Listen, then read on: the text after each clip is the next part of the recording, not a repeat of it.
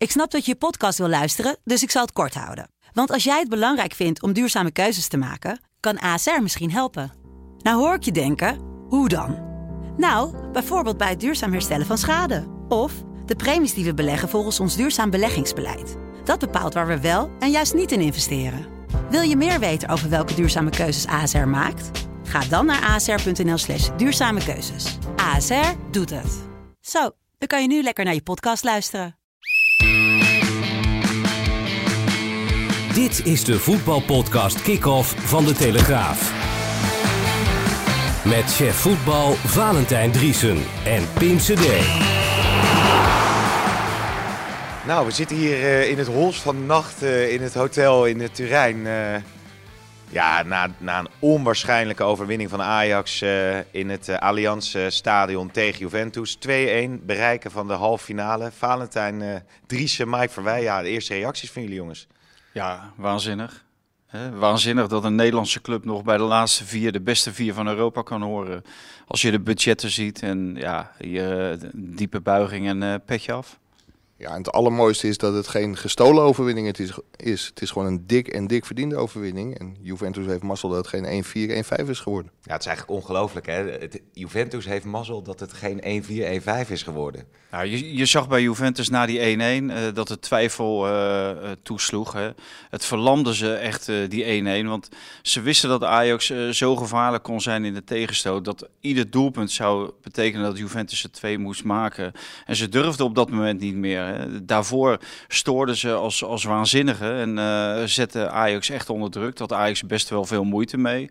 Maar na die 1-1 na die kon je eigenlijk voorspellen van ja, dit gaat Ajax niet meer uit handen geven. Dat gevoel had ik eh, heel sterk op de tribune. Laten we meteen even luisteren naar eh, de doelpuntenmakers. Uh, Donny van der Beek en uh, Matthijs de Licht. En Donny van der Beek die scoorde op een heel bijzonder moment. Gelukkig dat ik vandaag uh, belangrijk kan zijn. En natuurlijk wel een mooi moment ook in de 34ste minuut. Dat, ja, dat vergeet ik nooit meer. Zag maar kijk je over de klok? Of, ja, ja, ik zag naar boven. Ik zag 34. Ik dacht, nou, dat, dat kan geen toeval zijn. Ja, ik dacht, dit is, ja, ik geloof het eerst niet. Nee. En ik, ik liep voor de goal langs en ja, toen ik naar de uitvent, ja, niet normaal. Ja, en dit was de reactie van uh, Matthijs de Ligt naar uh, die corner. Dat is ook wel mooi, dat uh, het wapen van Juventus eigenlijk, hè, bij corners, dode spelmomenten zijn ze ijzersterk. En, en de Ligt die, die beukt hem erin en die maakte die, die, die, ja, die prachtige goal. Ja, die, ma ja, die maakte ook zijn fout goed hè, van de, de eerste helft van de goal van Ronaldo. Uh, daar was nog twijfel over, maar de licht beukte Veldman omver, omdat de licht stond op Ronaldo. En die was hem eigenlijk even kwijt en die moest Veldman uh, wegduwen. Ja, daar is nog naar gekeken, ook door de VAR, maar het bleek duidelijk dat de licht die duw gaf. En ja, ik denk dat de, de licht verschrikkelijk opgelucht was natuurlijk, ook zeker na dat moment. Want ja, het kan je ook de kop kosten natuurlijk. Ja. Het, leuke is wel dat licht aan het begin van dit seizoen zei dat hij vond dat hij zelf veel te weinig scoorde. Hij is ook gaan trainen op spelervattingen. Daar, daar is hij echt bijna elke dag mee bezig. En als dit zich zo uitbetaalt in de kwartfinale van de Champions League, ja, dan heb je niet voor niks getraind. Wat is nou de sleutel geweest voor deze overwinning? Nou, het, de, de moed, het vertrouwen bij Ajax en toch de, de onzekerheid bij uh, Juventus. Die hebben nooit verwacht dat Ajax uh, deze tegenstand kon bieden. Eigenlijk vorige week al in, in, de arena. Toen werden ze ook vlak na rust werden ze ook van het kastje naar de muur gestuurd door Ajax. Dat gebeurde nu weer. En nu maakte Ajax wel de tweede goal. En ja, ik, ik denk dat zij eigenlijk toch Ajax ook wel een beetje onderschat hebben. Ja, ja Mike, je hebt natuurlijk de spelers ook gesproken na afloop ja, hoe waren die hieronder? Ja, het is misschien een, uh, een vraag uh, waar je het altijd op al wel kan zeggen. Euforisch, buiten zinnen of misschien wel heel nuchter, kan ook. Nee, ze, ze waren door het dolle heen met Klaas-Jan Huntelaar voorop. Die, die hoorde je door alle gangen, gangen schreeuwen. Ja, terecht waren ze gigantisch blij. En het was ook een collectieve prestatie als je ziet dat, dat Tadic een minuut voor rust gewoon bijna tot op zijn eigen achterlijn verdedigt. Dat Daily Blind in de beginfase ja, de, de boel overeind hield. Want Ajax was niet goed in het begin. Maar Daley Blind bracht zijn routine uh, ja, in, in het veld. En, en Tadic en hij, ja, die, die trokken de boel over de. Denk ik. Ja, het is wel mooi, een collectieve overwinning. Niet alleen voor de spelers, maar ook voor uh, de staf. Want Overmars die maakte volgens mij ook nog een buikschuiver ja.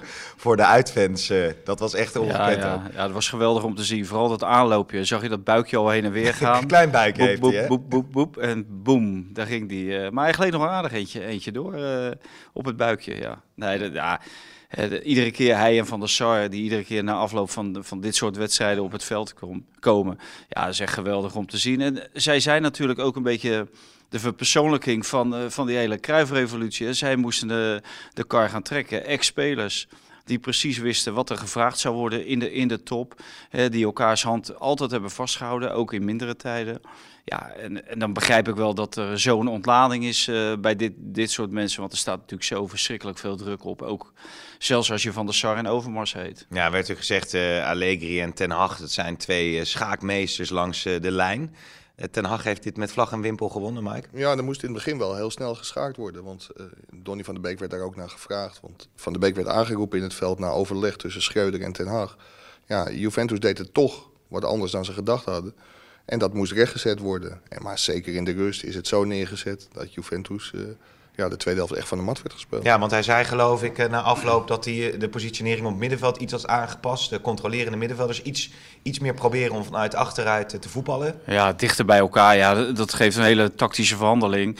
Uh, wat ik knap vind is dat als je dat in de rust zegt en je spelers pikken het zo snel op. Want uh, hij vertelde ook uh, tegen ons, Erik ten Hag, wat hij precies ging doen. Nou, daar heb je wel een paar uh, wiskundigen voor nodig om dat, uh, ja. hè, om dat precies te weten wat hij, nou, uh, wat hij nou bedoelde. Maar die gasten pakten het echt verschrikkelijk snel op. En je zag inderdaad de ruimtes komen. Hè, en dat wilde Ajax. Ajax wilde veel meer ruimte krijgen om te voetballen. Want dat ja. kunnen ze. Want ze kunnen gewoon beter voetballen.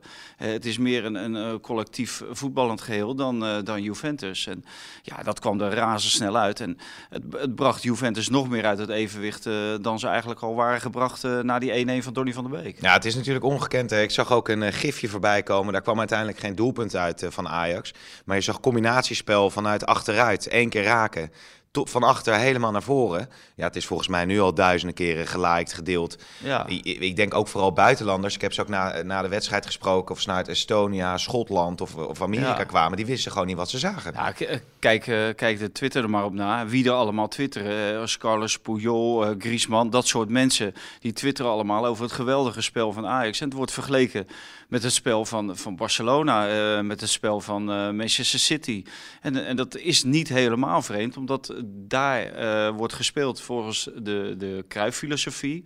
En die zitten bij Ajax natuurlijk ook in. Die is er toch weer ingehamerd, die kruiffilosofie. En vandaar, uh, ja, daar zie je dat de manier van spelen, daar maak je zoveel mee los. Vaak nog veel meer dan, uh, dan alleen resultaten. En daarom vind ik, dat moeten we in Nederland altijd voor ogen houden. De manier waarop is wel belangrijk. Als ik spelers hoor praten van, ja, de manier waarop doet er niet toe. En als we maar winnen, gelul. Je moet ook op een bepaalde manier willen winnen.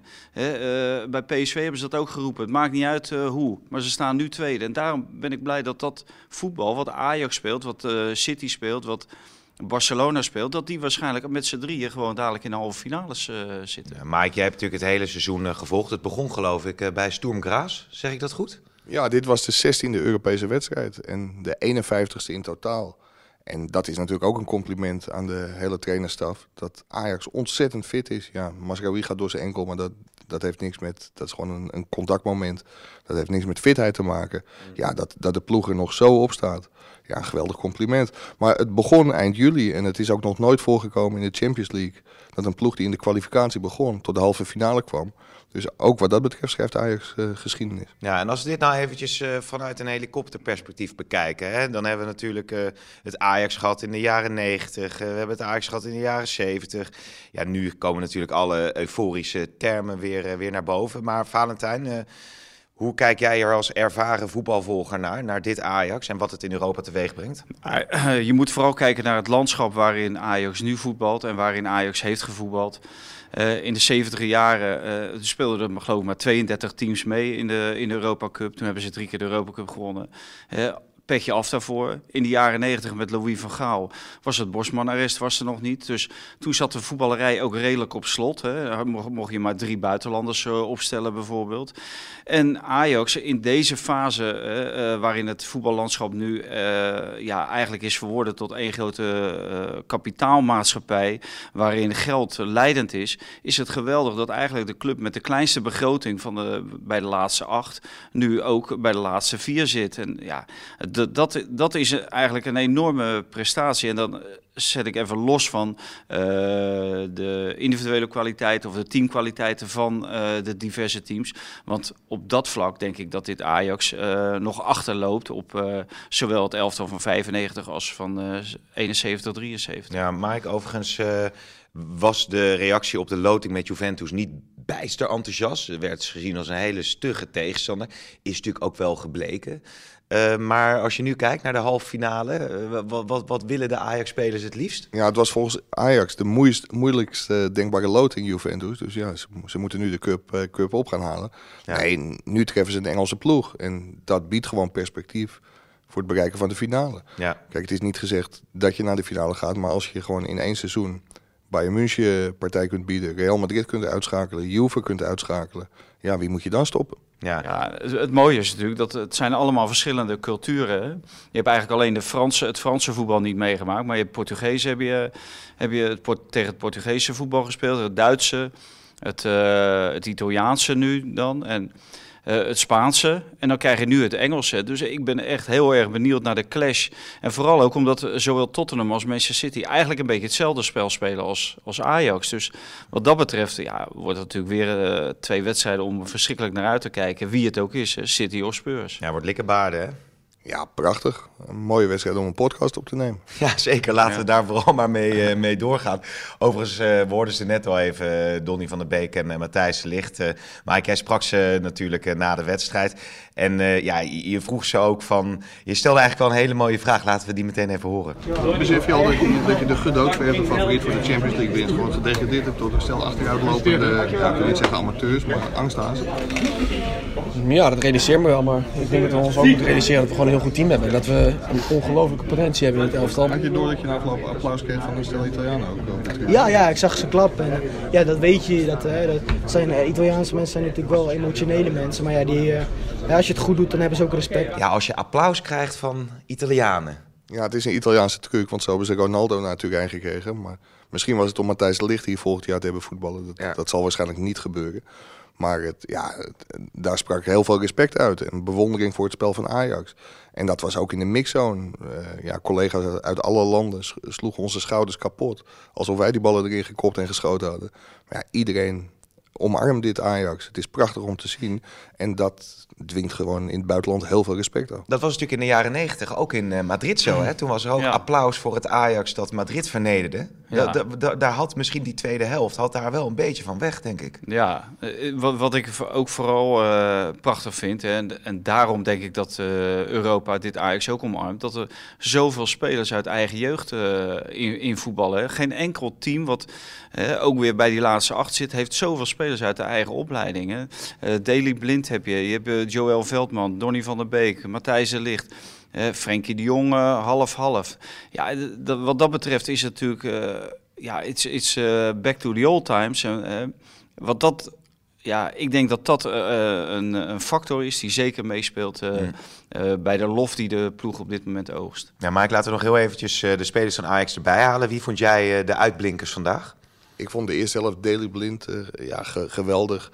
Uh, Matthijs de Licht herstelde zich heel erg goed. Frenkie de Jong begon heel, heel zwak, maar speelde uiteindelijk ook uitstekend. Ja, daar iets heel belangrijk. Sieg uiteindelijk.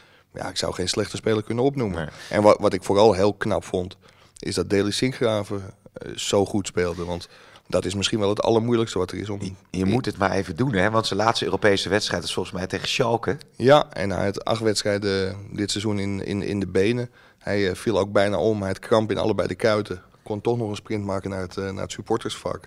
Maar hij zei wel dat hij, dat hij gesloopt was na afloop. Ja, nou laten ja, we maar. Ja, ja, en, ja en, en, hij speelde de wedstrijd natuurlijk niet uit. Hij, werd, hij kwam erin en werd later weer gewisseld. Maar ik vond wel dat een aparte vermelding is wel voor Donny van der Beek die de 1-1 maakt. Even daarvoor mist hij al de 1-1. Die, die, die speelt hij over.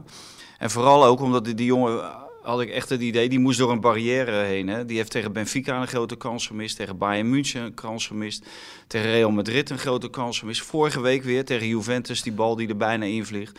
En dan uiteindelijk op het moment suprem dat het eh, heel hard nodig is, doet hij het wel voor je. En ik hoop dat hij door die barrière heen is, dat hij zelf ehm, ook beseft dat hij kan scoren op dit niveau. Hè. In, de, in de eredivisie en zo is het allemaal geen probleem voor hem.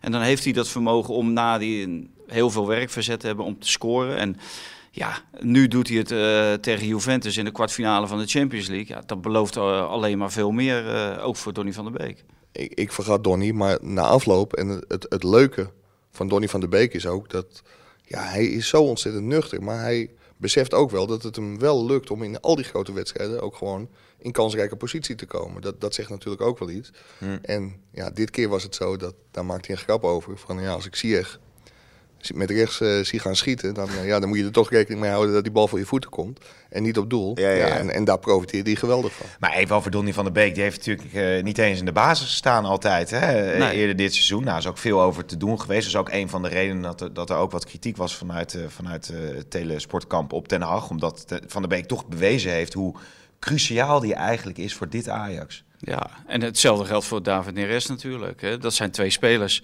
Ja, die, daar zag hij, eh, Erik ten Hag het aanvankelijk niet in, eh, niet in zitten. En die hebben zich op een dusdanige manier ontwikkeld. Waardoor ook Ten Hag overstag is gegaan. En die heeft zich ook weer ontwikkeld. Hè. En dat, eh, ja, dat probeer ik wel vaker duidelijk te maken. Een elftal zit in een bepaald proces. En dat proces bij Ajax is alleen maar bergopwaarts gegaan. En mensen hebben zich ontwikkeld, zowel in het veld als buiten het veld. Eh, stafleden hebben zich ontwikkeld en ook spelers hebben zich ontwikkeld. En daardoor krijg je dit niveau uiteindelijk. Eh, en, en daar draagt iedereen zijn steentje toe bij. En dan moet iedereen ook zijn eigen ego voor opzij kunnen zetten. En dat is gebeurd. En dat is een compliment aan alles en iedereen bij Ajax. Ja, en Ja, de, de staf en spelers hebben zich ontwikkeld, maar ik denk dat zelfs de directie zich eh, heeft ontwikkeld. Die hebben ook interne strijden moeten voeren, interne strijdjes moeten voeren. Ja, Overmars heeft het aangedurfd om, om Tadic te halen, blind te halen, ervaring te halen.